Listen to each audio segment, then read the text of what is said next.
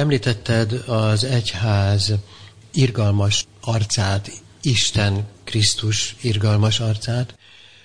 Arról is beszélhetnénk talán, hogy az abortusz kérdése már egy következmény. Tehát az meg biológia, nem kell hozzá túl nagy tudás, hogy várandós legyen egy nő, vagy egy fiatal lány. Arra kiterjed-e a, az egy élet tanítása, hogy ember, hát felelősséggel tartozol a dolgaidért, már ott is.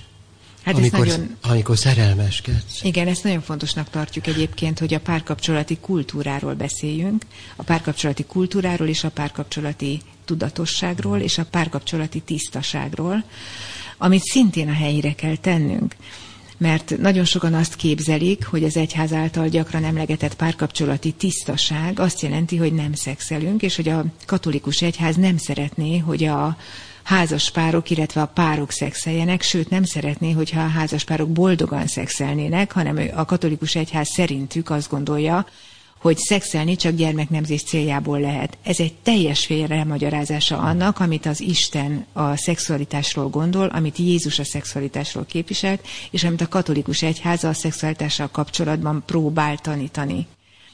A szexualitást azért kapta az emberiség, mert gyönyörű és boldogító, milyen érdekes, hogy a Jóisten úgy képzelte el az ember érkezését a világba, hogy két ember szerető ölelésben, egy boldog szerető ölelésben kapja meg ajándékba azt a gyermeket, akit egyébként az Isten teremt meg. Ez erre adatot. És amikor a katolikus egyház azt mondja, hogy a házasság előtti szexnek nincs itt az ideje, akkor ő nem azt mondja, hogy a szexnek nincs itt az ideje, és nem azt mondja, hogy a fiatalok ne legyenek szerelmesek, hanem azt mondja, hogy a fiatalok legyenek szerelmesek, és a testét valaki akkor adja át a másiknak, amikor meggyőződött arról, hogy a másik alkalmas és lehetséges szülője lehet a közös gyermeküknek. Sajnos nem győzik mondani a szakemberek, az orvosok, hogy nincs százszázalékos fogamzásgátlási módszer. Nem létezik. 80 százalék körül mozog a leg biztonságosabb úgymond biztonságosabb fogamzásgátlási módszer, tehát minden egyes szexuális aktusban ott rejlik a lehetőség, hogy közös gyereke lesz a párnak. Ezt a fiatalok nem igazán tudatosítják, és nagyon sokszor hangzik el például fiúk szájából az a mondat, amikor a lány jelzi, hogy, hogy terhes vagyok, hogy, és biztos, hogy tőlem van. Ami ugye egyfelől abszurd, másfelől pedig egy sértő kérdés. Mert ha ők voltak együtt, akkor miért gondolkodik azon, hogy tőle van-e? Ha fölteszi ezt a kérdést a lánynak, akkor egyúttal meggyanúsította őt azzal, hogy egyszerre több fiúval szexel, ami sértő. Harmadrészt pedig kihátrál egy olyan helyzetből, amit közösen hoztak össze, és amiben ő is benne volt. És mivel minden fiatalember okosnak tartja magát, az a minimum, hogy elvárjuk tőlük azt, hogy tisztában legyenek azzal, hogy a gyerek szexből lesz, és a szexből gyerek lehet. Tehát, hogy ez egy olyan egyszerű biológiai dolog, amit tudatosítaniuk kell. Aki ezt tudatosítja, az megválogatja, hogy kivel létesít ilyen szoros kapcsolatot, kivel érdemes ilyen szoros kapcsolatot létesíteni, azzal, aki elköteleződött mellettem, aki azt mondta, hogy jóban rosszban felvállal engem, aki ezt meg tudja tenni, az feleségül vesz. Pont és akkor ott van a helye a gyermekáldásnak.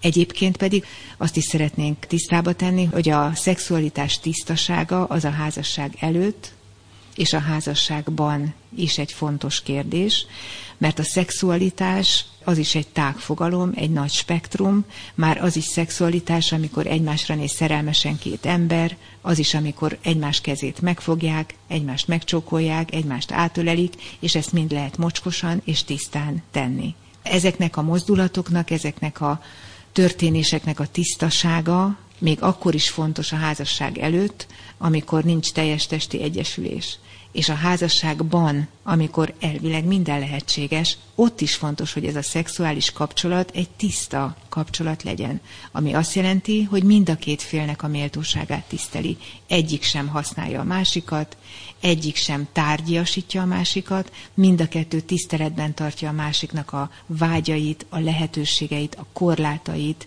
a nehézségeit, a fáradtságát, azt, hogy éppen kívánja vagy nem kívánja, és mindig a házasságon belül is nagyon fontos azt az alapelvet tartani, hogy minden egyes testi mozdulat a szerelemben, a két ember közötti kapcsolat fejlettségi fokának, vagy a két ember lelki kapcsolatának a testi megünneplése. Tehát, hogyha rányílt egymásra a lelkünk, akkor szépen egymásra mosolygunk. Ha nagyon közel akarunk egymáshoz kerülni, vagy közelebb szeretnénk egymáshoz kerülni, akkor meg érinthetjük egymást, megfoghatjuk egymás kezét. És hogyha a szerelmünk ott tart már, hogy összekapcsolhatjuk az életünket, akkor ennek megünneplése lehet egy elköteleződés, és az elköteleződés megünneplése lehet a teljes testi önátadás.